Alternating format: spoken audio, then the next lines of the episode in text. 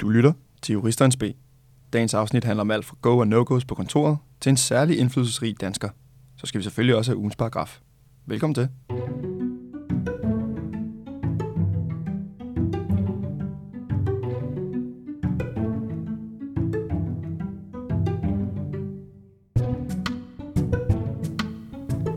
Så er vi tilbage med endnu et afsnit af Juristans B. Mit navn det er William Pihl. Jeg hedder William Skov. Og jeg er Daniel Loran. Vi går alle sammen på den juridiske kandidatuddannelse på Københavns Universitet, og i samarbejde med K-News og Karnov Group er vi klar til at holde jer ved selskab det næste kvarters tid. Det er vi nemlig. Og øh, gutter, jeg har taget lidt øh, aktuelle nyheder med. Øhm, Det er spændende. Du har taget lidt guf for guf med. lidt, øh, lidt hvad der sker i verden. Det er faktisk, øh, nu er det allerede lidt datet, når det her afsnit kommer ud. Og det er også allerede lidt datet nu, når vi står og optager det. Men Men hvad fanden? Det skal ikke... Øh, der er en danskervinkel, og så er det altid aktuelt. Hvilken dansker tænker I er i samme kategori med øh, Messi, Beyoncé, Elon Musk og Pedro Pascal? Det er en Åh. superstar. Det må være en eller anden højtstående superstar. At det må være en vigtig... Jeg tænker umiddelbart Thomas Helmi.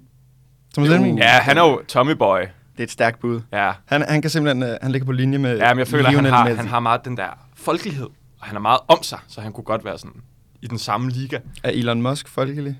Mm, jeg føler, at Techno King er lidt folkelig. Han er meget for Okay. the people i hvert fald. Okay. Kontroversielt lige nu, men fair, fair. Hvem ved? Måske Mette Frederiksen, efter hun er blevet announced til øh, mulig, øh, Nå ja, mulig kandidat det til... kan være, at hun bare lægger en gift generalsekretær. faktisk og skrider til NATO. Ja, Mette er heller ikke et Er hun dårligt det? bud. Ja. Ja, det vidste jeg faktisk Øh, ikke. jo, og det, det, om det er en sidebemærkning, men man udpeger, NATO, det er jo kun de nordiske, det, er- generalsekretæren kan kun komme fra de nordiske lande. Mm-hmm. Og der er ikke en officiel liste, men så er der sådan en uofficiel, vi har sådan nogle diplomatiske kilder, så har man sagt, at Mettemors navn er i bunken til at blive den næste ja. Jens Stoltenberg. Ligesom øh, Men få hvis det er de nordiske lande, så er det jo klart, altså, så bare du er leder, så er du med i bunken, hvis der kun er sådan fire, Ja, det er fire facts. muligheder. Det er måske, der har været fire-fem muligheder. Ja. Nå, anyways, men hun er i hvert fald blevet nævnt som en potentiel øh, kandidat til at blive... Øh, det er vel bare generalsekretær i NATO, hedder det ikke det? Jo. Jo. Øh, Så nu må vi se, om Mette hun bliver, eller om hun, øh, hun skrider ud og spiser sin makrelmad et andet sted. Det ved man ikke. Hun skal bare hygge sig. Men Nå. det, men det er så ikke Mette Frederiksen. Nej, det er ikke Mette. Frederiksen, men det er faktisk ikke langt fra, gutter. Fordi den dansker, der er i kategori med Lionel Messi, Beyoncé, Elon Musk og Pedro Pascal, det er ingen ringere end Danmarks egen Margrethe Vestager. Hvad mener du? Ah, Det er sgu da- Grædemor. Det er da herrelangt for Mette Frederiksen. ja, okay, det var en politiker. Det var ikke Thomas Helmi-kategorien. det, det svarer lidt til at være sådan, de har begge to blå øjne, eller du ved, det er sådan lidt samme bold. De er begge to kvinder. Og Margrethe er okay, men hvad, hvad fanden har de til fælles? Ja, Altså men det her- der, det der nemlig er, det er, at øh, Times Magazine har lavet en liste for Nå. 2023 over øh, verdens øh, 100 mest indflydelsesrige personer i Okay, 2023. og der er så- Margrethe med. Der er Margrethe Vestager simpelthen kommet på den. Thomas Helmi er ikke på den. Nej, Thomas Hvorfor Helmi er er Messi med? Er det bare, fordi han har mange penge, eller hvad? Han vandt øh, VM øh, lige før nytår, og Det er jo sport. Hvad har han skulle at sige? v- VM det er jo den største fodboldarrangement øh, arrangement i Så det er verden. penge. Det er, nej, nej, nej. Okay, hvor, hvorfor er Beyoncé, hun er sgu da... Hun er Nej, lidt- jeg ved ikke, hun er mindre. Der er lidt Illuminati over Beyoncé, der ved man, hun er lige blevet smuttet ind på listen der. Men Margrethe simpelthen, hvad er det, hun Ja. er? Det er jo... Har I hørt det der klassiske klip med Trump, hvor han siger, Margrethe Vestager, who's this tax lady from the EU? Det fordi hun sidder som, hun sidder som konkurrencekommissær nede i EU, ikke? Øh, Må hun nej, gøre? hun... Jeg, jeg, jeg, Hvor ved det ikke, at hun er. Okay, men fair, ja, ved du bedre jeg, end mener, jeg. jeg mener, hun sidder som konkurrencekommissær nede i EU, og så var det tilbage i sådan 2016 eller 17, eller også var det 18, hvor EU begyndte at udstede sådan nogle kæmpe bøder Aha. til Apple og var det Amazon og nogle Ja, andre. det er rigtigt. Hvor Trump, han var sådan der, who is this? Who's this tax lady from the EU? Men man Margrethe Vestager. Ja, præcis, men det må så have givet pote, fordi hun er jo big box nu. Altså, hun er jo Ja, ja, ja. kæmpe... Ved man, hvor højt hun er på den der liste? Jamen, de har så ikke rangeret den. De har ligesom bare lavet en, en 100 mest, uden at, uden at sige, hvem er top og hvem er bund. Men øhm, altså, i, de har så yderligere delt det op i, i kategorier inden for den, og i den, hun er så under den, der hedder Leaders. Og der ligger hun, der ligger hun op i de første rækker. Hun ligger til venstre for Joe Biden, hvilket man alt andet lige må antage, så er det fordi, hun er længere frem end Joe Det lidt- Biden på den liste. Det er jo også, jo okay, men er det svært at slå Sleepy Joe? Det ved jeg altså ikke. Altså, han, han er jo kraftet næsten død. Han har jo lige stillet op til præsident igen, det ved jeg ikke, om jeg har set. Eller sådan Ja. sit kandidatur. Prøv at overveje, hvis manden han får lov at sidde igen, så er han jo 86, når han er færdig. Der er han jo død. Nu hvor Donald Trump forsøgte at købe Grønland, og har forsøgt at købe tavshedspligt hos en række andre kvinder, tror jeg så også, han har forsøgt at rydde bord på Margrethe Vestager i forbindelse med hans øh, udtalelse om The Tax Lady from EU. Det kan godt være, at han lige har prøvet at lave sådan en underhåndsaftale, sådan der, hey tax lady, skal du lige med til Mar-a-Lago og have en full, full on dine and wine? altså, det ved man jo ikke. Men det er meget interessant med den der liste, fordi det er jo en fucking mærkelig pærevælling. Altså sådan Pedro Pascal, mm. Messi, Margrethe Hvem er Vestager. Pedro Pascal? Det er ham, der spiller Joel i The Last of Us. Ingen idé. Og han var... Han var også med i Narcos. Nej, ja, det var ham, der var assi- assistent, hvad skal man sige, markeren til ham, den hvide gringo i Narcos. noget. Hvordan er det, man siger det der? El plumo o da plata. Altså bly eller Plata penge. og Blomo. Ja, det er sådan, der. El Plumo, El, el o plata. Det er også ham, der er Oberyn, øh, et eller andet i Game of Thrones. Okay, så en eller anden fuldstændig ligegyldig Han har landet nogle store, store roller inden for de seneste par år. Og Eller ligegyldigt er han jo så ikke. Nej, nej, åbenbart, jeg- han er jo åbenbart super indflydelsesrig. Jeg føler lidt, det er en hån mod, eller jeg ved ikke, om jeg synes, det er en hån, men i sådan konteksten af mest indflydelsesrige mennesker, så tænker jeg bare sådan, åh, oh, jeg er USA's præsident, eller sådan, jeg er konkurrencekommissær i EU, og så er det sådan, ja, men, øh, jeg var med i Narcos, men fedt, vi er på listen sammen. Sådan, Det er da fair nok, at Thomas det er Helmi rav. så er kandidat til at komme med på listen. Jamen, Altså- altså, Thomas Helmi og Basim må være sådan lige røven på den liste, tænker jeg. Doja Cat er også på den. Ja, så Er allerede der andre der, danskere, som I tænker Nej, kunne, der er- øh, der- kunne ligge og slække Nå, lige ude, uden for top 100? Mm, jeg føler, at Lars Lykke er kvalificeret bud, men jeg har virkelig også en forkærlighed for den mand. problemet er, at de skal jo næsten gå lidt mere internationalt, hvis de skal, øh, hvis de skal være med på den her. Men, ja. men altså, tænker I så sådan, hvem der er så, så stabile i, i dansk landskab, at de... Jeg tænker sådan Lucas Graham for eksempel. Okay, Åh oh, ja, Luke, Men han er jo Luke- fallen off. Jeg føler Jeg, også, at jeg læste lige en artikel om, at han var den anden dansker nogensinde, der i Danmark var kommet, havde været på top 40 i 400 uger i streg. Ja, med, What? Det er jo vanvittigt med sit album. Han har, jo, han har ja. jo basically bare været på top 40, siden det kom ud. det er fucking godt gået af ham jo. Men jeg føler, at han er så fedtet at kigge på. Sådan, han, han ligner altid en sådan... Men det er bare Han lidt- ligner altid en, der sveder lidt eller lugter lidt. Eller Det er jo sådan. Den grund, type. af Det er den grund synes type. jeg ikke, han kan være på listen. Margrethe ja. Vestager ligner jo ikke en, der sveder eller lugter. Jeg synes bare, det har været, siden han... Altså, alt det nyere, han har lavet, det, er, det har bare ikke været lige så fedt. Jamen, jeg har ikke hørt så meget af Lucas Graham. Jeg føler, det er sådan noget, man, man reserverer det enten til en rødvinsaften eller et break-up. Og der, er- altså, Mm. den går ikke helt. Men... Hvad med kunne oh, ellers- Mads Mikkelsen? Ja, jeg Han skulle fandme det med godt være på Ma- den. Ja, Mads Mikkelsen. Også en... Altså, Pilu. Pilu Asbæk. Åh, oh, men masser større. Han er Ja, sådan, facts. der er sådan lidt en kult øh, vibe over ham, også i sådan amerikanske fans, tror jeg. Sådan, du ved, oh, Mads Mikkelsen. Mm. Mads Mikkelsen. Det kan de ja. godt lide. Hvad, hvis øh, Margrethe Vestager er så indflydelsesrig, tror jeg også, hun kunne få øh, den mest indflydelsesrige position i Danmark som øh, statsminister. Fuck nej, Når hun no engang var way. færdig i EU. Hun er, hun er jo gammel radikal, hvad? Det er jo nogle fjollehoveder. De har sgu da ikke mulighed for at tage nøglerne til statsministeriet. Nå, men- er du sindssyg? Hun kommer jo tilbage med en kæmpe taske af credibility og, øh, og øh, hvad hedder det, opnåelser. Jeg tror, jeg tror bare, sådan, hun, hun lægger sådan en, du ved, jeg, I, I kan se, jeg er på Times Magazines 100 Most Influential People. Selvfølgelig skal jeg være... Det kunne være fedt at lægge en, en forhandlingsstrategi, der hed, fuck jeres mandater, jeg er på liste med Pedro Pascal. Jeg tager nøglerne til statsministeriet nu. Det kan godt være, hun laver en lykke 2.0 jo. Ja, man ved det ikke. Jeg, mm, jeg ved faktisk ikke, når man, når man bliver udpeget som kommissær, om man så stadig må have et politisk tilknytningsforhold. Jeg ved faktisk ikke, om hun er med i de radikale mere. Altså jeg tænker, at når du rører ned, så rører du vel som, bare som sådan uafhængig dansk mandat. Ja, det må man jo gøre. hun er jo ikke sådan jeg et radikalt mandat. Men det vil være godt for hende, hvis hun kunne komme tilbage, apropos. Altså, hvis der er nogen, der skal redde det parti, så er det sgu da hende. Så kunne det da være fedt, hvis hun blev statsminister. Apropos at være en mandat til sådan nogle møder, du har jo faktisk været med, med Daniel, til sådan et der møde. Til et Kan du møderåd? ikke, ja, kan du ikke prøve at Gud, jo. det? Okay, det ved jeg ikke, om jeg... øh, Det er en meget morsom historie, skal jeg allerede forberede jer på. Okay, men så vi skal tilbage til året. Øhm, hvad har det været? Vi gik i tredje semester. På 2021 måske? Nej, det må have været 2020. Det er hip som ham. Tredje semester på bacheloren 2020, siger vi bare nu. Jeg var helt ny og grøn, som man jo er på tredje semester, øhm, og havde så landet et job i Justitsministeriet. Kæmpe baller. Øhm, I Justitsministeriet, der, det var under corona, det, så der var virkelig meget sådan noget hjemmearbejde, og du ved, og jeg, jeg, det var mit første studierelevante job, så jeg fik jo ligesom bare en computer, og så fik jeg at vide, at jeg er logget på, og vidste egentlig ikke sådan, "Nå, hvad fanden skal der ske for nu? Skal jeg bare, skal jeg bare sidde, og så kommer der opgaver ind i mailen, eller whatever. Det gjorde der så lidt løbende. Men øhm, en dag, så ringer min kollega til mig om morgenen klokken, klokken halv ti og siger, hey, øhm, vi har et møde med, øh, med hvad hedder det, rådet, og øhm, det handler om noget med noget Schengen og noget dit og dat, og der er ikke nogen af os, der har tid til at deltage, fordi vi skal nå XYZ meget, meget vigtige ting.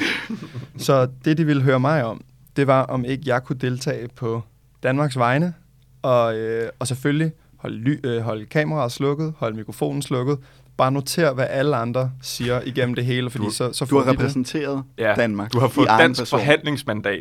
I, I princippet så klikker jeg jo ind på linket, som er det danske delegate link, og går ind der, og så står der jo ligesom, øh, indtast dit navn, og øh, så skal jeg Daniel Johan, øh, parentes Danmark, og, og tænker, okay, det her, hold da helt op, og, og når jeg kommer ind, så kan jeg se folk, der har webcam på, som sidder der i suits, og de har, du ved, alle de der EU-flag i, i ryggen, og Du sad i øh, joggingtøj, eller hvad?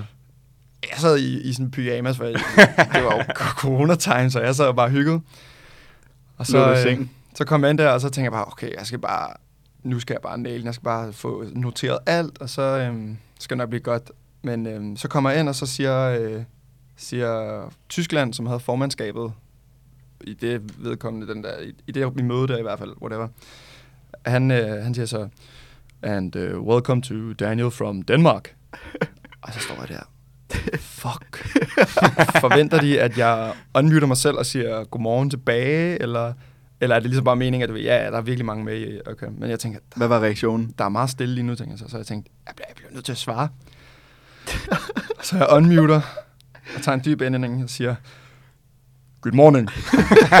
og unmuter med det, eller muter med det samme igen, og så står jeg bare og river mig selv i håret og siger, nej, nej, nej, det gjorde jeg kraftigt. Nej, nej, nej. Du var bare se, jeg bliver fyret. Jeg bliver fyret ud, jeg ryger, alt er forbi. Det var bare det, du ved. Det var lidt den der følelse af, sådan der, man har lige gjort noget meget, meget uh, daring, og man tænker bare, uh, for satan, er det nøgen, det her. Men så, ja, så, så overlevede jeg så det. Øhm, og det der møde, det tog sig hele dagen, og det var så stener, for jeg var ikke, Nej. jeg var ikke rigtig briefet på, hvad det skulle handle om, så det var ligesom med et arbejdsområde, jeg aldrig har haft noget med at gøre. Så alle de ting, der blev sagt, der blev brugt et flæng af forkortelser på det ene og det andet, og jeg var stået bare der, what the f- jeg ved ikke, om de sagde STJ, eller om de sagde STU, eller hvad fanden de sagde. Var det det eneste, du sagde hele det møde? Ja, Det ja, var det bare, var sindssygt. Good morning. Har, har Danmark fået øh, feedback på det møde der? Nej, det tror jeg Det ikke. var meget fedt, hvis man Meget, lige... meget godt repræsenteret. Hvis man indkaldte Danmark til en mus, så var sådan der, jeg var lidt inaktiv. Det var lidt ringe jo. Men, øhm, det var det, han blev bedt om. Ja, Ja, jeg, gjorde, hvad jeg skulle, men, men det var så svært, fordi så var der sådan for eksempel, så var sådan en delegate fra Ungarn, som virkelig hele tiden mente, hun skulle komme med en kommentar til alle punkter. Det var derfor, det var strakt mega langt ud. Og for det første, så, øh, Det er meget klassisk så var ungarsk. hendes engelsk øh, præget af en meget øh, tyk ungarsk accent. Yes. Eller sådan, altså, det var lidt slav. Og, øh, så det gjorde det for det første svært ved at forstå, hvad hun sagde. For det andet, så, øh, så sad hun med, med Apple øh, spaghetti-høretelefonerne. Nej. Og med mikrofonen og sådan holdt den op i munden, så det bare lød fuldstændig distortet og bare var sådan. Men det har jeg faktisk aldrig forstået, hvorfor man vælger at tage den der mikrofon op til munden, Jamen, fordi den lyder jo fint, bare den hænger. Ja. Ja, ja. Det er men, men, og så, ja, jeg tror faktisk endda, det var sådan en off-brand øh, spaghetti høretelefon, så du ved, mikrofonen var virkelig dårlig, hun havde en tyk accent, så jeg sad bare der og tænkte, fuck, man, min, min overordnede smadrer mig, hvis ikke jeg får taget de her noler ordentligt og sådan der, ja. Og Ej. jeg forstod bare hat af, hvad hun sagde, så jeg skrev bare lidt, ja, Ungarn, de, de var enige. Det kan være, det var, det var forrige." godt, du ikke sagde noget, ellers så havde du skabt en diplomatisk krise mellem Danmark og Ungarn, sikkert. Jeg var så bange for, at den kom til at lave det der, hvor webcamet var slået på af sig selv ved en fejl, eller eller andet. Men det gjorde den så heldigvis ikke. Åh, oh, det var godt. Ja. Det er ikke Så, dårligt. øh, Det kan være, det er derfor med Grete, hun bare bliver noget EU. Hun hørte om den danske delegate og var sådan, der, jeg skal ikke hjem endnu. Ja. Der, der er lige nogle ting, der skal fikses hernede. Men om hun, for lige at holde øh, sporet, om hun kunne være statsminister, jeg kalder Cap. Margrethe Vestager bliver aldrig statsminister. Punktum. Ja, jeg synes ikke, man skal det udelukke tror jeg heller ikke. Nå, Nej, men jeg synes ikke, man skal... Jeg tror godt, hun kunne lave et stærkt comeback. Jeg ved ikke, om hun selvfølgelig er interesseret i det, men jeg tror, hvis hun ville, så kunne det godt være spændende. hvis øh, folk, der studerede jura, udgør et repræsentativt snit af Danmark, så ville hun i hvert fald blive statsminister. Fordi jeg tror, at under Ja. forelæsningerne har jeg tit set, at når vi har skulle stemme sådan, hvilke parti stemmer I på til forelæsninger, så har det været radikale har bare boomet for sindssygt, Ja. sådan der 60-70 procent. Det er ikke fordi, der er så meget øh, hammer og sejl ud over KU. Det er ikke, altså, der er ikke så mange kammerater. Det er mest bare, øh, Nå, men vi vil godt være sådan lidt kompromissøgende. Ja, ja. Og, altså, det er meget, jeg tror, hvis du smed en, øh, også med Moderaterne, der var sådan et oplæg inde med Gorisen. Det var Lars Lykke himself. Hvor, Gorisen. Hvor det var Lykke, hvor de var sådan, "Om hvad ville I stemme inden? Sådan Kahoot. Så tror jeg, sådan, det jeg tror, at radikale og moderaterne ville kunne danne en flertalsregering alene, hvis det var det, ikke? Ja. Så det, det er nok meget sigende for jurastuderende et eller andet sted. Kan vide, om Moderaterne står på samme måde efter Jon Steffensen og alt det der. Altså, Jeg jeg synes sag, jo, vi ikke kommer nærmere ind på, hør med i næste afsnit. Ja. Det kan vi desværre ikke udtale os men om. du er smuk og lækker og god med den, eller hvad er det, du, du er dejlig og god med den lækreste krop. Ja. Jeg har faktisk en, en vild historie om ham, men det kan være, at vi skal gemme den, for jeg ved heller ikke, om jeg kan sige det i podcasten. Men, øh, oh, cliffhanger. ja, Cliffhangers. Men Så er det, er det med breaker i tid så? Ja, lad os tage en breaker. Hun er en 10 ud af 10, men hun siger jævnfør i sit talesprog. Hun siger jævnfør talesprog. Det kan jeg godt lide. Så øh, det må nok være en 9 ud af 10 så. Nu skal vi til øh, afsnittets helt store emne. Go eller no-goes på kontoret. Og øh, det er simpelthen en form for lille øh, quickfire quiz. Nej, ikke en quiz, men en, øh, en, en spørgerunde, vi, vi har øh, forberedt os på her i, i studiet. Hvor at hver af os har, øh, har lavet nogle punkter, som vi spørger de, øh, de andre om, om hvorvidt det er en go eller no-go, når man er på kontoret. Så hvis du er i tvivl om, hvad du må gøre på kontoret, så lyt med de næste par minutter og få svar. Ja, din situation bliver 100% dækket af vores... Øh, Absolut, punkter. absolut. Jeg kan lægge fra land, gutter. Øh, go eller no-go. Og tage en masse kontorartikler med hjem. I ved jo, når man er på arbejde, ikke, så er der, der er overstregningstuscher, viskelæder, notesblokke. I hele Mulchaus, så tænker man, uh, kunne godt lige til sådan en omgang med hjem. Er det noget, man må? Må man, må man ikke? altså, jeg, jeg, altså, man må jo nok ikke. Jeg ved det sgu ikke. Først og fremmest vildt at kalde det kontorartikler. Vi har lige brugt et helt afsnit på at snakke om merch, og nu kalder du lige pludselig kontorartikler. Det er fordi, det er en ny kontekst jo. Det er jo ikke merch, når det... Måske, men det er jo det, måske er det lidt merch inde på kontoret, man også kan tage med hjem. Ja, jeg det føler er lidt, nok det er fortrinsvis Du kontorartikler. tænker ikke nødvendigvis på, altså på branded kontorartikler. Ej, det er jeg bare, hvad det end du ved, de, alle de røde kuglepinde, øh, hvad hedder det, klipsmaskinen. Whatever.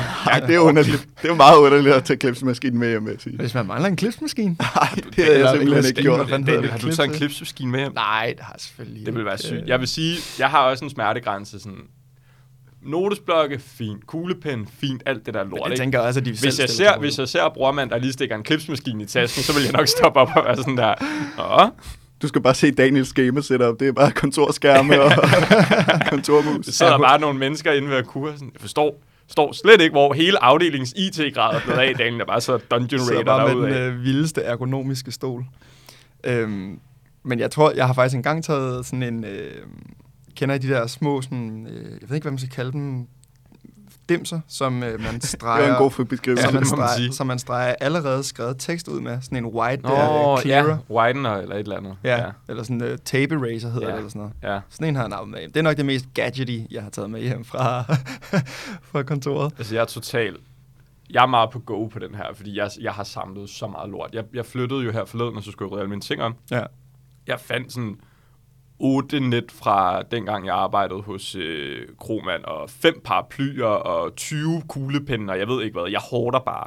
Altså sådan, jeg laver Jamen, sådan en lille også, du er lager. en rigtig en krejler. Ja, ja, jo, jo, jeg, jeg, er en, jamen, jeg er en kæmpe krejler. Du kan godt være typen, der er sådan, du ved, oh, uh, uh, Jamen, den jeg kan godt mærke, at jeg skal på arbejde, efter vi har optaget det her. Lur mig, om der ikke ryger en klipsmaskine med hjem i dag, Nej, efter de du har De foreslået har den. strappet alle de der ting ned, når de, når de har hørt det her. Er det rigtigt? Så kan det være, at jeg får sådan en, du sætter dig i det her rum, og du må ikke tage nogen kontorartikler med hjem. Det, er bare, det var det dummeste af mig at låne min civilprocesretbog ud til dig. Jeg får den aldrig at se igen. Han Det, sidder, den er solgt. han sidder og skriver i indholdsfortegnelsen med kuglepen. Det er sygt. Det er sygt. Det er sygt. Det er sygt, sygt. William. Nå, Ja, sådan kan det gå. fair nok. Kontorartikler overall, var det go eller no-go? Jeg vil sige uh, go. Til en, uh, til en vis grænse. Ja, gå til en vis grænse. Mm-hmm. Det er meget et ikke-svar, men okay. Ja, det, det tror jeg også var det, vi fik ud af samtalen før. At jurister kommer med meget øh, Det er en svar. konkret vurdering, baseret ja. på det konkrete tilfælde. Hvad siger I så til tømmermænd på arbejdet? Er det go eller no go? Øh, jeg synes, det er, det er go, men jeg synes, det virkelig er med en modifikation, men jeg har, jeg har desværre haft det en del gange. På, Sådan, hvis man lige... Ja, fordi... Åh, så jeg lægger altid min vagt om fredagen, ikke? Eller så er det lidt grineren, de har tid om torsdagen. Så får du lige en lille ugen. bajer, og så smager den pisse godt, og så får du en til, og så står du bare der dagen efter og transveder, når du møder ind klokken 8, og skal bare have en kop kaffe med det samme, ikke? Jeg har, jeg har gjort det... Jeg kommer til at fremstå, som om jeg er alkoholiker. Jeg har gjort det en del. Jeg har faktisk tit på arbejde med tømmer, men det er overhovedet ikke sådan, det er. Men jeg synes godt, man kan, men det er jo fucking trip at sidde som studerende og bare være sådan der. Altså, jeg tror, Skilleret af tømmermænd og ikke fatte en- altså noget som helst en hel dag. jeg har kun prøvet det under corona, hvor man skulle arbejde hjemme. Fordi så var det alligevel sådan, at jeg er hjemme. Men hvis jeg skulle sidde på kontoret med tømmermænd en hel dag, det, det tror jeg ikke, jeg ville synes var særlig fedt. Så for mit, mit vedkommende tror jeg, det vil være et, no-go, for at være Det er også ærlig. et klart no-go for mig. Ja, altså, det det? Jeg, har, jeg har gjort det måske én gang, og det var en forfærdelig oplevelse. så, Så du bare altså, sidder, holdt hovedet højt og bare Ja, holdt ud. Og, Og så cyk, jeg er jo cykelmand, Ja. ja. så jeg kan jo ikke drikke. Det er jo, oh, altså, altså, så du så, bliver Ah, pissehurtigt ja. fuld også, så er du blevet rigtig ramt af tømmermænd, eller hvad? nej, altså, jeg tænker bare, at jeg får aldrig tømmermænd, fordi jeg aldrig Nå, drikker. Nå, Fordi jeg, jeg er for hurtig. fair. Du får, du får hurtigt simpelthen. Men ja, ja. jeg synes Ja. godt, man kan, man kan godt lige drikke en øl dagen, inden man skal på arbejde. som Sådan. Det er jo ikke, fordi det gør noget. Jeg Men synes, det, er at en være go, ude- men det kommer også, det er en hårfin grænse, ikke? Fordi det var sådan, om du kan bare have lidt tømmer mellem, hvis du står og river et bræt med 10 som booker shots klokken 3, inden du skal på arbejde klokken 8, så er den måske ikke helt god. Den er også voldsom. Ja, det er farligt. og så bare lige fyre ild i, og så kommer til at brænde næsehårene. Ja. Så står du, ikke kan lugte så står noget. du der dagen efter med solbriller på midt på kontoret og brændte næsehår og tænker, nå ja, så er vi i gang. lugter. 8 timer på grøn kode. Nå, skal jeg så øh, skal jeg byde jer på en? Yes, sir. Den her er lidt teknisk, eller du ved, den er ikke, den er ikke lige så, den flyder ikke lige ud af munden. Men øhm, at have en intern sag, som man fylder al sin, sin tomme tid på. Altså al den tid, man ikke øh, har noget aktivt at lave på kontoret. Du ved, der er ikke lige nogen sag, og du, ved, øh, du, har ikke, du kan godt begynde på en eller anden opgave, men det er heller ikke noget, der haster. Så du har en intern sag, som research XYZ, som du bare hælder al den tid på, så du får udfyldt din normtid. Kæmpe go. Det er den største gave, når der dumper sådan en ned, hvor man er sådan, åh, oh, fuck, jeg har ikke lige sådan fået fyldt alle de timer skud i dag, eller der har jeg været lidt stille, så har du bare den der evighedsopgave, du altid kan vende Ja. tilbage til. Men det kan også blive misbrugt. Jeg kan huske, og det er lidt det samme boldgade på en arbejdsplads, jeg var hos, der havde de sådan et problem med, at folk kunne godt bare finde på at putte timer på sådan projekter, de ikke har været en del af, for bare at fylde deres timer ud. Okay. Hvor det var sådan, så var der en i en eller anden afdeling, som satte to timer på en eller anden sag. Vi sad med, hvor man var sådan, hvad har du lavet på den her? Mm. Sådan, Nå, øh, ej, jeg har ikke tænkt på det, og så ville man tjekke en halv time efter, så de der timer fjernet. Ej, Så der var nogen, der sådan sneaky sig rundt om og bare satte tid på tilfældige sager. Det er et kæmpe no-go. Men det, ja, præcis. Men det er et go at have en sag, hvor man er sådan, okay, jeg har måske brugt en time, men lader ligesom om, jeg har brugt to, fordi det er en stor undersøgelsesopgave, der bare står og trækker. Ikke? Jeg, jeg synes, det er go. Hvad siger du, Pil? Det ved jeg ikke. Altså, jeg føler ikke, øh, de steder, jeg har arbejdet, har haft sagssystemer, som har understøttet den form Nå. for øh, slack. Fair. Så det, kan bare, det er bare straight up no-go. Jeg tænker, det, jeg tænker 100% det er go. Sådan, min holdning til det er 100% det er go. Men jeg, det, jeg har aldrig gjort det. Men jeg føler også, du er meget seriøs omkring din tidsregistrering. De her forleden så du var sådan, så når jeg har flere sager på en gang, så har jeg sådan fire stopure, jeg kan sidde og slukke og tænde, så jeg hele tiden kan holde øje med, hvor meget tid jeg har brugt. Hvor man var sådan der. Så pauser jeg bare Fuck- den ene, når jeg begynder på dig. den anden, og så når jeg går tilbage til den anden, så starter jeg den Ja, anden. Ikke? Altså. præcis. Præcis. Jamen, det er faktisk smart. Men så Så hvad hvis du... jeg tror faktisk også, funktionen hedder smart time. Oh, der er nogen, der har det er tænkt ikke sig. smart time. Men øhm, hvad hvis du glemmer det? Hvad hvis du glemmer at klikke øh, start igen, så står du der. Min dag er ødelagt, Daniel. Så sådan, du bliver nødt til at blive til klokken 8. Jeg er udelagt. Starter på Så skal du have en intern tid, eller intern sag, du bare kan smide alle de timer, du estimerer, du missede Ja. ja. ind på, og så er sådan, om jeg har været der. Det vil faktisk ikke være dårligt. Hvad synes du? Jeg, jeg, jeg tror også, jeg går for den, men det er også fordi, jeg sådan, jeg har nogle gange, hvor jeg ligesom, jeg sidder på arbejdet, så er klokken øh, lidt, i, lidt i fem om eftermiddagen, så skal jeg til at tidsregistrere, hvad jeg har lavet. Og så taster jeg ind alle de sager, jeg har arbejdet på, og alle de ting, jeg egentlig har været, lavet. Og så, så ser jeg sådan, okay, jeg mangler stadig noget tid. Og så er jeg sådan, jamen det kan forstå, jeg har jo, jeg har været her sindssygt lang tid. Hvad fanden har jeg lavet? Og så, ej, det, Så så, sker kommer, det jo. så, så kan der godt lige komme en øh, 0,25 på øh, research-opgaven. det er jo en færre sag. Altså, Jeg I- føler lidt, det er sådan, man har lidt samme følelse, som hvis man er på kur. Og så siger Ja. jeg sådan, ej, jeg har alligevel en lille pose slik Ja. inde i skabet. det er Jeg kan jo lige så godt spise den Ja. nu.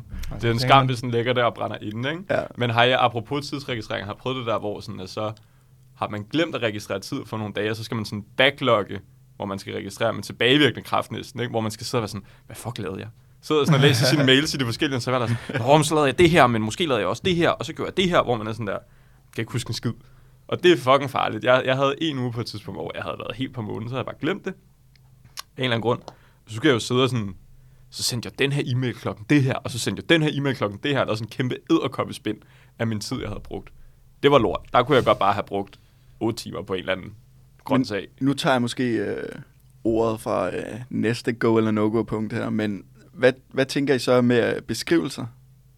Og faktura specifikation. Hvad, hvad skriver jeg der? Jeg er I prøver- meget, jeg føler, Skov, du er meget udført. Ja, det er Du jeg. skriver sådan der, hver team. Den her team lavede det her, den her team lavede det her. Ja. Jeg, Jeg, kan jo godt finde på at bare skrive et ord. jeg deler ord. dem op, sådan, hvis jeg har brugt en halv time på et eller andet, og så 20 minutter på noget andet. Og sådan. Så deler jeg det op, så man har sådan en løbende oversigt. På samme over- sag? Ja. Okay, sygt. Øh, og det gør jeg ikke. Men, men nogle gange er jeg også sådan, så kan jeg næsten bruge sådan 10 minutter på at lave en faktura, ikke? hvor jeg så sådan, det gider jeg jo heller ikke. Eller en faktura, men Så tidsregistrerer du Ja, tidsregistrering på ja, sagen. så det, det, det, det er sådan en total free money machine, ja. og bare blive ved med at tidsregistrere sin tidsregistrering. Jeg, jeg, jeg, jeg laver en udførlig specifikation også, men jeg skriver det bare i samme bar. Så skriver jeg for eksempel øh, forberedelse af XYZ-materiale, plus informationssøgning om dit og dit Ja, ja, det er også min. plus øh, øvrig, eller whatever. Men, jeg, men, men nogle gange, så jeg spørger også bare sådan, hvad, hvad vil I have, jeg skal skrive her? Fordi hvis jeg får en opgave, som jeg aldrig har arbejdet med før, som jeg, ikke, altså, som jeg først lige er blevet introduceret til, hvad overhovedet er for et koncept, så er jeg sådan der, hvad fanden skal jeg kalde det her? Så spørger jeg dem, så siger de, så kan de godt bare sige, og bare skrive, bare skrive øh, MP. Nå, Super. MP. Jeg ved ikke, hvad det betyder. Skriv det bare. Det er fair. Ja. Skal vi hoppe videre? Jeg har en til. Yes. Øhm, hvis man ryger, hvad så med rygepauser? Det er jo sådan gammelt hot topic, men det var noget, jeg faktisk sad... Årsagen til, at jeg taget den med, det var, at jeg sad og talte med en kollega for et stykke tid siden, hvor vi regnede ud, sådan, lad os sige, du ryger tre smøger i løbet af en arbejdsdag, det, og bruger fem minutter på hver, så er det et kvarter hver dag på øh, smøger. Det er jo alligevel sådan, hvis du regner en hel uge ud, så er det en time og 15 minutter. Og hvis du så begynder at trække den helt ud, ikke, så på en måned er det jo 5 timer, og så på et år er det 60 timer, du bruger på at ryge cigaretter, mens du er på arbejde. Det er jo meget tid. tid. Så er det go eller no-go at ryge på arbejde? Jeg føler, at det er sådan et klassisk håndværkerproblem. Jeg føler sådan, at det er sådan issue, jeg altid har hørt om. Sådan, okay, hvis du er håndværker, så skal du ryge, fordi så er der gratis pauser. Sådan. Cheat the system. ja, Ja. præcis. Jeg vil, jeg vil sige, øh, jeg, vil bare, altså jeg ryger ikke selv, men jeg vil sige go. Altså, Jeg, hey, tag nu de fem minutter. jeg plejede at ryge, øh, og kunne godt finde på at gå ned og liste en smøg, men jeg følte mig altid så skyldig, når man kom op igen, og var sådan, Mm. lugtede lidt af røg, og skulle sætte sig på sit kontor igen. jeg, men jeg synes også, at hvis ikke du ryger, så synes jeg stadig, så synes jeg også, det er helt legitimt at være sådan, at nu går jeg lige en runde rundt i bygningen. Lige spacere. Ja, Som en 100 pause. Altså, det, er, det er det samme jo. Så bruger du fem minutter på det, eller eller andet. Altså, det synes jeg også, at det, det må du godt. Hvis Det er du, hvis du har styr på dine tider, så... Det er jo formentlig ikke, fordi at det er sådan en mere pause for folk. Det er jo, altså, man tager jo nok også pause uden at ryge. Ja, altså, præcis. Så det er jo, på den måde er det jo nok egentlig ikke et sådan problem, problem, men det er bare meget et sjovt tankeeksperiment at opstille og være sådan, det er fandme lang tid. Det er jo der, man, man ud. burde jo egentlig, hvis man er ryger, blive ansat sådan et sted som Molvengel, som virkelig understøtter de her små rygepauser. Ja. Hele tiden smutte ned hver, hver 25. minutter og snuppe en smøg. Pomodoro må være guddommelig som ryger. Det er altså ikke dårligt. Det er sjovt, at jeg kan, det er, også, det er meget sjovt at se, sådan, hvis der, kan vide, hvis der sådan er en partner, der ryger. Lidt, kender jeg ikke også det der, hvis man starter, når man starter et nyt sted, så man sådan, Nå, men jeg skal ryge lige for at være sådan lidt social. Hey, hey, jeg kommer lige ned og laver en icebreaker. Sådan. Hvis der er en partner, der ryger, om der nogensinde er en advokatfuldmægtig, der er begyndt at ryge for at kunne ryge med partneren. Det er der 100% nogen, der har gjort. Ja, ikke? Tror du Sikkert. ikke? Det har jeg nemlig også tænkt over, at sådan, ja, skal godt være, der er sådan, nogen, der når har startet. partneren lusker ud, så kommer de der advokatfuldmægtige som Ja. sådan en lus. Mangler du en lighter? Mangler du en lighter? Jeg har en her, jeg har en her. Nej, min er big. du, du ryger Marlboro Red, ikke? Altså, jo, jeg har en her. Hvad skal Ja, præcis. Det kunne jeg godt forestille mig. Jeg kan huske, da vi startede på studiet, så røg alle jo åbenbart Ja. ja. på, vor- i vores hold. Ja, ja, ja. Altså, der var det sådan der 25 ud af 30 på vores hold. De røg åbenbart, og så efter et halvt år, så var der tre tilbage. Jeg følte mig så phony, fordi jeg havde ikke røget fast på det tidspunkt i sådan halvandet år, to år. Og så starter jeg så bare sådan, ja, yeah, jeg ryger, fuck, hvor nice. Men selvfølgelig ryger jeg, og sådan noget, og samtalen. Social smoke, I Ja, guess. det er sygt dårligt. Men, øh, Men selvfølgelig, lytter, no go til at ryge, ikke? ja, Men, men go til at tage en rygepause, hvis du ryger på arbejde. bum. Ja. Jamen, øh, så lad os tage det næste, jeg har. Det er øh, go eller no-go på øh, at have accessories, altså ringe og halskæde og øreringe og så videre på, når man er på arbejde. Jeg kan godt lægge fra land. Altså, jeg Den personligt... henvender sig jo også ja, primært til netop. dig. Altså, det, for mig er det et go. Jeg, jeg er jo sådan en total accessories-dreng. Jeg kan godt lide det. Jeg render rundt med øreringe, jeg render rundt med halskæde. Jeg synes, det er dejligt. Jeg kan Og- sige til, øh, til lytterne, at lige nu har William Skov en guldhalskæde på, og han har sådan en rigtig skibberlapskovs øh, Total, ørering. total skibber Sådan en pirat. lapskov Jeg tror, det kommer til... har han faktisk også en næsepiercing og en piercing Ja. i øjenbrynet og en i kinden. Ja, og tunge. Mm-hmm. Gid det var. Gid det var så vel. Ej, dog ikke så vildt. Jeg tror, jeg synes, det er kæmpe go. Og det kan også godt sådan lidt gå hen og blive en rant, men for mig er det faktisk et ret vigtigt øh, succesparameter for en arbejdsplads også. Jeg synes, det er vigtigt, nu sidder man som studerende, at jeg kan møde op på arbejde, og selvfølgelig møder jeg ikke op i speedos, eller du ved, 27 ringe over det hele, eller sådan noget, men, men det der med, at jeg kan komme på arbejde med en ørering og en halskede, uden at føle mig presset, altså det, jeg har, jeg har både hørt historier, og har selv oplevet historisk, øh, når man har været på arbejde, og få sådan en, ah, men sørg lige for at tage altså det her specifikke tøj på, eller sådan, du skal måske lige have en skjorte på, eller ah, det er ikke så godt med den her ørering, eller whatever. Det har du oplevet? Ja, det har jeg. Okay. Og, og, og, og for mig, der var det et kæmpe, apropos go eller no-go, det var et no-go. Altså det motiverede egentlig også, at jeg søgte videre. Man kan sige, øh, nu er det ikke fordi, det skal stå og være sådan en branding-kampagne for, for øh, Brun og Jejle, men en af de ting, de sagde til mig, da jeg var derinde, det var også, at du kan godt have din ørering i, du kan godt have din halskede på. Så er der selvfølgelig også en masse andre ting, der bevirker, at det er en virkelig god arbejdsplads, men der sagde jeg også bare, fedt, fordi det vil jeg gerne. De havde for eksempel en god kantine. Ja, men præcis. Så, nå, men, men det er måske bare for at kontekstualisere det at sige, for mig er det ret vigtigt, altså jeg kan godt forstå, hvis man sidder som advokat eller advokatfuldmægtig og har sådan klientmøder, så kan du godt have en ærlig diskussion om, sådan, skal du have ørering i? Måske ikke. Men når man sidder som studerende og alligevel gemt væk på et eller andet kontor, noget i bunden, altså så har jeg det sådan lidt, så vil jeg fandme stå fast på min ret til at have en ørering i. Ja, Og ja. Det, så det, det var egentlig også en, for mig er det et kæmpe go, og det har egentlig også været en ret stor motivation for, at jeg er der, hvor jeg er nu. Jeg synes, det er vildt dejligt, at jeg bare kan dukke op i det, jeg gerne vil. Jeg, jeg føler også, at man er all free. Ja, jeg, jeg er fuldstændig enig også. Jeg har, ikke, jeg har arbejdet stå, to steder nu med, som studiejob, og jeg, jeg har ikke oplevet nogen former for, for hvad hedder det, Nej. tøjkrav. Altså sådan, du ved, selvfølgelig ser anstændig ud, men det har slet ikke været noget krav om, at du skal komme i skjorte og sådan. Altså, jeg kommer også i, kommer i jeans og mine Jordans og, og sådan nogle ting. Og Ja. du, du ved, jeg, jeg, ser jo jeg ser fresh ud. altså, Ja, det kan diskuteres, ikke? det, er, jo- det er jo altid en, det er jo altid en hårfin grænse. Men der går jo også sådan et, lidt en... Øh, der går også en lidt en vandrehistorie om, at der... Jeg ved ikke, om det stadig er der, men historisk på nogle advokatkontorer har det jo været sådan lidt en opfordring direkte i ansættelseskontrakten. Husk nu at tage det her farvet tøj på. Shit. Og sådan. Ja, det er rigtigt. Jeg har, t- og jeg har talt med flere venner om det, der også har kunne bekræfte, at det faktisk er en ting. At det er nedfældet i en ansættelseskontrakt, at det er sådan, du bør nok have noget af at lade det her på. Det, og det synes jeg bare er sådan sygt, altså som studerende, fucking come on. Ja. Jeg forstår det nemlig godt, hvis man nemlig skal til et klientmøde eller sådan nogle ting. Men ja, men, så- altså, men jeg synes, det er en svær diskussion, for jeg synes, at som arbejdstager må man jo også kigge sig for. Altså, det, det er også vigtigt at understrege. Det er jo ikke sådan noget, at man går og bærer nag og sådan, fuck ja, jeg må ikke have en ørering på, eller whatever. Det er overhovedet ikke det, det handler om. Jeg synes, at man som arbejdstager også skal være sådan der, Men jeg søger hen mod den her arbejdsplads, fordi der ved jeg, at jeg kan få lov til det. Så det er ikke sådan, jeg synes ikke nødvendigvis, det er arbejdsgiverens ansvar. Jeg synes, man som arbejdstager også må tænke sig om at være sådan, "Nå, men her vil jeg gerne arbejde, fordi jeg kan have lov til at gå med de her ting. Det minder mig lidt om, øh, da vi var til Karrieremesseskov, vores reportage, hvor øh, Morlem Wiedenmeier var de eneste, der bare var mødt op i fuld suit og Ja. slips. hvor man godt kunne se, okay, der er nok en, øh, der er nok en linje, der er men er blevet lidt, kastet men det er lidt det, jeg mener, hvor at jeg, jeg synes ikke, at man kan placere hele byrden hos arbejdsgiveren. Altså man må også, som, når man står og sådan, "Nå, men jeg vil gerne arbejde her, eller jeg vil gerne arbejde her, så må man jo også være sådan der, okay, men har jeg lyst til at gå i jakkesæt hver dag? Det er i hvert fald for mig, det et kæmpe go at have accessories på. Ja, jeg siger også go til, til det. Jeg har en her, gutter. Øh, drik sig fuld til fredagsbaren på arbejdet. Er det, er det fedt, eller er det farligt? Den er farlig, ikke? Fordi før du er det, så leger du DJ midt på arbejde og har bare hugget op og blaster Madonna ud, mens der sidder tre partnere og kigger på dig og tænker, puh, det var godt, vi fik ansat ham. Eller puh, det var dårligt, vi fik ansat ham. Jeg synes, det er en hårfin grænse. Så det er en gonna go. Det er en, det er en maybe. Mm-hmm. Jeg har jo aldrig rigtig prøvet fredagsbar. Nå. Jeg var jo ansat ved Molvengel før, Okay, som men så går bare halv 12. et teamarrangement, eller... Sådan øh, lidt, øh, den er Nå, farlig først ja. at starte, eller allerede starte kl. 12, ikke? I har øh, ikke kl. 17-reglen. og jeg, jeg har simpelthen ikke taget til en fredagsbar hos Lundgren til. Nå, okay. Men jeg synes, det er sådan en meget dansk ting også, det der.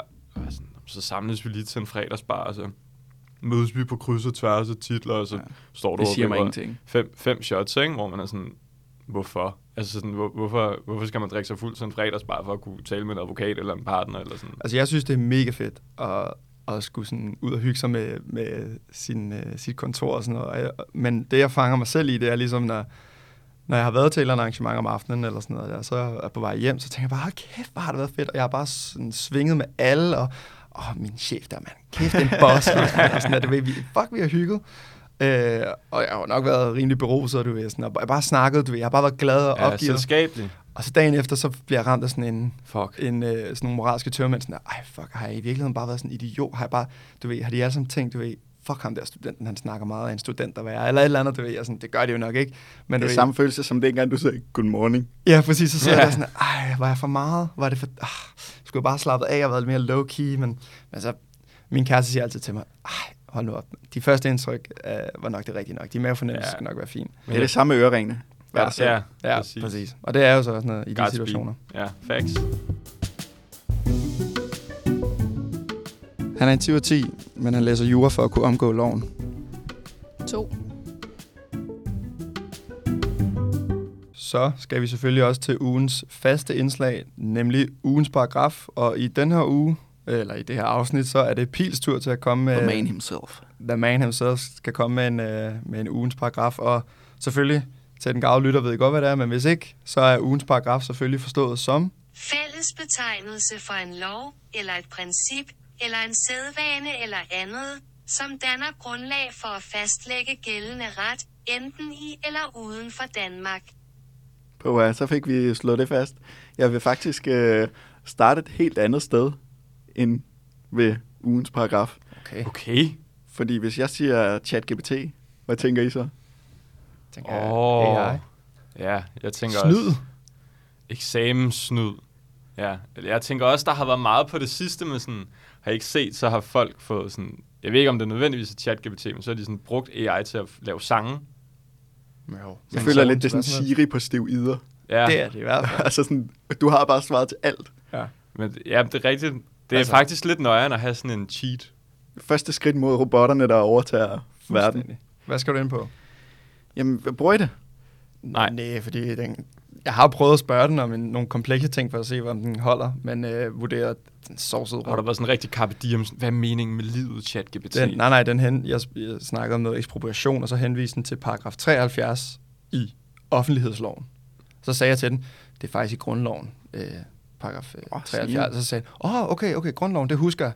Og så spurgte jeg den igen dagen efter for sjov, og så sagde den, ja, det er paragraf 73 i forvaltningsloven.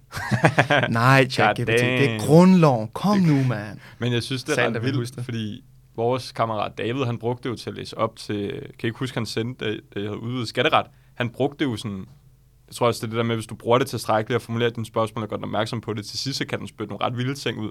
Han brugte det jo til at sådan, få svar på spørgsmål, han ikke forstod.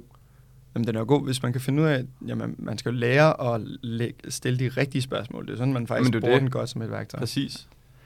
Nå, men øh, grunden til at spørge, det er fordi, at øh, jeg i forbindelse med valg af ugens paragraf har spurgt ChatGPT, Okay. om den vil finde en... Øh, jeg, jeg citerer, hvad jeg skrev ja. inputtet. Fedt. Find en paragraf i dansk ret, som er sjov. Fedt. Og jeg vil Bum. sige, at den fandt faktisk... Øh, den svar var faktisk meget sjov. Okay. Øh, indledningsvis, så starter øh, chatbotten lige med at få formalier på plads og skriver, det kan være svært at finde en paragraf i dansk ret, som er sjov, da lovgivningen normalt er alvorlig og formel. True. Det er meget fedt lige at være sådan, at det er serious business. Det er ikke for sjov. Så er man ligesom den på plads. Så skriver den, men der er en paragraf i straffeloven, som kan betragtes som lidt sjov, nemlig paragraf 299, der handler om ulovlig fiskeri. I straffeloven. Okay. Jeg var også meget forundret. Ja. Det, det kommer jeg ind på senere. Og så øh, citerer øh, chatbotten bestemmelsen. Med bøde eller fængsel indtil fire måneder straffes den, som under ulovlige omstændigheder fanger en fisk eller en anden vandlevende organisme ved brug af en bombe eller en anden eksplosiv genstand. Nej. Det er løgn. Jeg bliver Sådan at noget dynamitfiskning. Nej, vent hvad jeg faktisk. Okay. Fordi afslutningsvis så skriver den så, det er sjældent, at man hører om ulovlig fiskeri med bomber i Danmark, så paragrafen kan virke morsom og usædvanlig. Okay, shit, den er, den er klog. Ja, den er virkelig klog, og jeg, fordi jeg tænkte nemlig det samme i 299, fordi jeg havde de der sluttoner, det er altid formoforbudelse. Ja, det, vil- det kan man bare lægge til grund. Og så kigger jeg ind og tjekkede, og kunne hjælpe det, om det ikke var formoforbudelse. Det er en eller anden bestemmelse, der knytter sig op på mandatsvig i paragraf 280. Så den har lovet? Så ligesom at øh, de, din ikke virkede med offentlighedsloven og forvaltningsloven, Nå, ja. så så den- virkede den heller ikke den i, rundt. med ulovlig fiskeri. Men så tænker man, hvor, hvad er det så for en bestemmelse? Hvor har den fået det fra? Ja, fordi så, jamen, jeg tænkte også videre, jeg tænkte, det kan simpelthen ikke være rigtigt, jeg prøvede at google det, og så slog det mig, at i Grønland, der ved jeg, man... Ah. Ja, i Grønland ved jeg, der fanger man valer ved at nogle gange at skyde granater ned i ja. dem, så de eksploderer og dør på den måde. Og så, så tjekkede jeg den grønlandske kriminallov, men der er slet ikke 299 bestemmelser. Nå, Så det var heller ikke der. der er slet så, ikke kriminalitet nok på Og så- Grønland til at have mere end 299. Ja, Det er bare ad hoc øh, Ja. betjentarbejde. Jeg har googlet altså internettet løs for at finde den her bestemmelse. og bare en eller anden ordlyd, der ligger sig op af, og jeg kan ikke finde det nogen steder. Så den har bare... Den, What? jeg tænker, den må bare Kan det ikke, på det. kan du ikke prøve at spørge den lige nu? Altså, hvor har du fundet det her? Ja. Kan du sende et link? Bed om en kilde? Jamen, jeg er ikke inde på den lige nu. Nå, men du den gemmer satans. ens... Øh... Nå, det er også lige meget så. Men Ja, men Okay. jeg, jeg tror bare, sådan, øh, summa summarum, øh, var, min konklusion var, at vi skal ikke være bange for, at vi i den juridiske verden bliver overhalet af Jamen, jeg, ChatGPT. nej, men det er også det, hvor... Ja, apropos ChatGPT, jeg sidder hele tiden, når jeg sidder til praktisk aftaleret, så underviseren, han er sådan der, ja, I bliver overflødige som advokatfuldmægter lige om lidt. Det er godt, I har mit fag, fordi så bliver I ikke overflødige, men alle de andre, de bliver røvrendt af ChatGPT. Og der er det jo meget ret, du lige kommer med den der, fordi så kan jeg sige, ja, ja, det er fint nok. Men jeg vil give Men det går nok. til, altså, det var sgu en meget sjov paragraf, den har fundet frem. Hvor enten stammer fra, om den selv har fundet på det, så det, det er Det, meget sjovt. det kan være, at den har vurderet, at den skulle lave sådan en hvid løgn. En nødløgn, som Morten Bødskov ville sige, for lige at finde en sjov paragraf, fordi der ikke var nogen sjove paragrafer. Men det er sjovt, du også har nævnt fiskeri, fordi da jeg skulle have en ugens paragraf med, så overvejede jeg nemlig at tage muslingebekendtgørelsen. Fordi jeg selv var sådan der, what the fuck, er der en muslingebekendtgørelse, ja.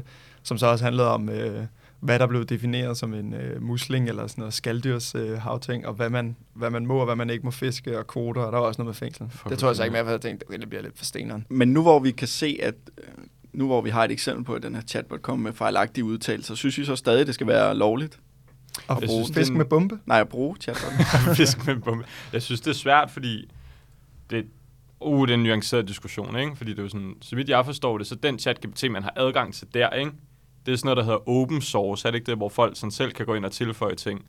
Eller lignende, eller sådan, der er jo ikke en klar afsender på, hvis den kommer med forkert information. Nej, altså, altså, den har al, al, al ja. sin information allerede du ved, Ja, nede tilgængelig på hjernen. information, ikke? Men det er ikke fordi, du kan gå ind og sige, eller lægge nye filer ind, som den skal huske. Eller sådan oh, altså indtil udgangen af 2021, mener jeg er, har den bare taget suget alt fra internettet. Ja, det, er den det? det, der, det, de mener med open Okay. source, det er, at du selv vil kunne få koden og sådan videreudvikle eller tweak okay, på den. okay, okay. noget. Jamen, så Men tror jeg, jeg har misforstået ja, konceptet. Men, øh, ja, Vi har jo blandt andet Ja. om det i IT-ret, hvor, Ja. vi, hvor vi nævnte en sag om en eller anden lærer, som blev øh, af chatbotten, der Ja, bare siger sådan der, hey, godt. du, er blevet, du har begået seksuelle forbrydelser på en eller anden lejetur. Og skri- beskriver det ret grundigt, Ja. ja. men han har aldrig nogensinde været på den lejetur. Men er det så, fordi imma- Hvorfor- altså, hvorfor? immaterielt retligt, er det så ikke, altså, at man har de rettigheder og pligter, der flyder produkter, er det ikke rettighedshaveren, der skal stå inden for det?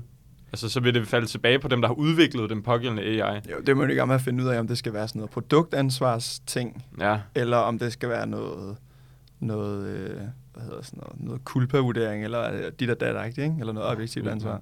Der kommer I en Italien har man jo det. forbudt chat, alt brug af ChatGPT. Har man det? Det var så under henvisning til sådan noget GDPR. Nå, jeg. Fordi okay. de siger, okay, hvis den er fodret med alt det her, så er den også personoplysninger. Og det True. håndterer den ikke særlig... Jeg synes, Effektivt. det, jeg synes, det er skræmmende. Jeg ved ikke, jeg synes, det er skræmmende. Men jeg synes, det, det laver... Der er jo nogle fucking mærkelige problemstillinger, men det, der, det er det samme. De der sange har I ikke set, at, sådan, at The Weeknd og Drake har lige sagsøgt. Er det Spotify eller sådan noget? Fordi der er nogen, der har lavet en AI-sang med dem, og de har fået dem til at synge en anden sang, og så har de lagt det op på Spotify. Sådan, Mm, hvor ja. at det er jo også et problem, at lige pludselig så kan du have... Det er ikke Kanye West, der synger Beatles, så altså, det lyder Ja, ja, det præcis som om, det er ham, der har jeg gjort synes, det er sygt fedt. Det er sådan Jamen, noget. det er Jeg ret fedt, godt. men, men det er jo også sådan lidt, åh, oh, what to fucking do, ikke? Og hvem er rette ansvarssubjekt? Eller Ja. sådan, hvem er, altså... Men i forhold til, til ChatGPT'en, jeg synes, at man ikke bør øh, tillade det i forbindelse med at få konkrete svar. Altså det, den giver, må du ikke, synes jeg ikke, du må kunne bruge direkte eller sådan noget. Men jeg synes, som et værktøj til at, ligesom at spare, og til sådan, fordi du kan, du kan spørge den om noget, som du måske ikke helt forstår, eller andet teoretisk, så giver den dig et svar, og det svar er måske dårligt, fordi du har stillet et dårligt spørgsmål, men så finder du måske ud af, ah, okay, hvad hvis jeg spørger lidt mere sådan her? Fordi så begynder du at tweak dine spørgsmål, Mm. og på den måde begynder du at kunne bruge den bedre. Det synes jeg er totalt fair for ligesom at kunne få en opklaring og have en, på en eller anden måde en hjælpe øh, professor lige ved sin, ved sin hånd. Ja, Du Men- har jo faktisk også meget aktuelt benyttet dig af AI-teknologien. Det var så ikke lige en chatbot, men jeg Nej. tænker i forbindelse med den her podcast. Ja, det er vores logo, som øh, hvis man kigger på thumbnailen, så er der sådan, det, det er lagt ind som et vandmærke op i højre. Det forestiller Justitia med bind for øjnene og høretelefoner på. Rigtig podcast-stil. Det var total simpelthen... øh, podcast. Det var, det var øh, den hedder DAL-E, som er de ja. samme, der har lavet ChatGPT, som har lavet sådan en hjemmeside, hvor at du går ind, så skriver du en sætning, så skriver jeg så Justitia with headphones on, logo style, øh, black and white. Og så pumper den det ud, så sådan, fedt, det er vores logo. Og så tegner du selv øh, Ja, så, markeringer så over. lavede jeg selv markering over øjnene for bind for øjnene. For Så det vi har sådan- også arbejdet lidt for den selv. Ja, Det er faktisk rigtigt. Jeg så KU har også lige øh, forbudt ChatGPT til eksamener. ja, det så jeg også. Ja. Så. Hvad siger Og så var der nogen, der var inde på det der artikellinket, der har skrevet kommentar. Må man så heller ikke bruge den sådan? Nej, du må ikke bruge den overhovedet. Ja, det Jamen, lyder- hvad med, med, med? Nej, du må ikke bruge den overhovedet. Men Jeg synes, det, jeg synes, det er underligt, at man ikke aktiverer det mere i undervisningen. Jeg har Altså, det nu også har vi Jeg meget tror, af fordi det er for Altså- nyt, tror jeg. Ikke? Altså, du Ja. ved sådan, indtil de lige finder ud af, hvordan de skal håndtere det, så kan de ikke tillade det. Det handler nok også om, at sådan, altså, årsagen til, at man prøver at regulere det eller forbyde det, er jo måske også, at det, lige nu løber det så hurtigt, at hvis man ikke sætter en eller anden kunstig kilehæl ned, så kan man ikke gøre så meget ved det, så jeg tror, det er nok også derfor, man bare forbyder det. Men jeg havde sådan en rigtig, apropos, det var går rigtig, KU lige hælene på Italien Ja, der. præcis. Bare forbudsstat, mand. Det er fedt, men det var sådan en total Ingen nye, boomer-kommentar. ingen, nye, ingen nye aktiviteter her. Ja, nej, men, det, det, men der var en, der var sådan virkelig boomer, så sad jeg og talte med ham sådan, sådan ja, altså, dengang jeg var ung, der skrev jeg jo mine eksamener på papir med kuglepen, og I kan bare få en robot til at lave jeres. Og jeg var sådan, ej, slap nu af, fister, ikke? Altså sådan, men jeg kan jo godt forstå det, det er jo også nøjeren, hvis du bare sætter dig ind i et eksamenslokale og klasker tingene ind. Ja, 100%. Jeg kan godt se, at man gør det til eksamen, men jeg synes ikke, man bør gøre som Italien og forbyde det helt. Nej, enig, det synes jeg heller ikke, man må gøre. Men de har måske ret med det med persondata. Det må tiden vise. Var det dagens afsnit, dreng? Det, det synes jeg. jeg. Det var simpelthen det. Et stærkt Så, det der slagsen. Tak for at lytte med, og øh, hvis du måske vil høre måske noget om Jon Steffensen, så, så, så må du lytte med i fremtiden. Ja, fordi vi er tilbage på mandag om to uger med et sprit nyt afsnit igen. Mm-hmm.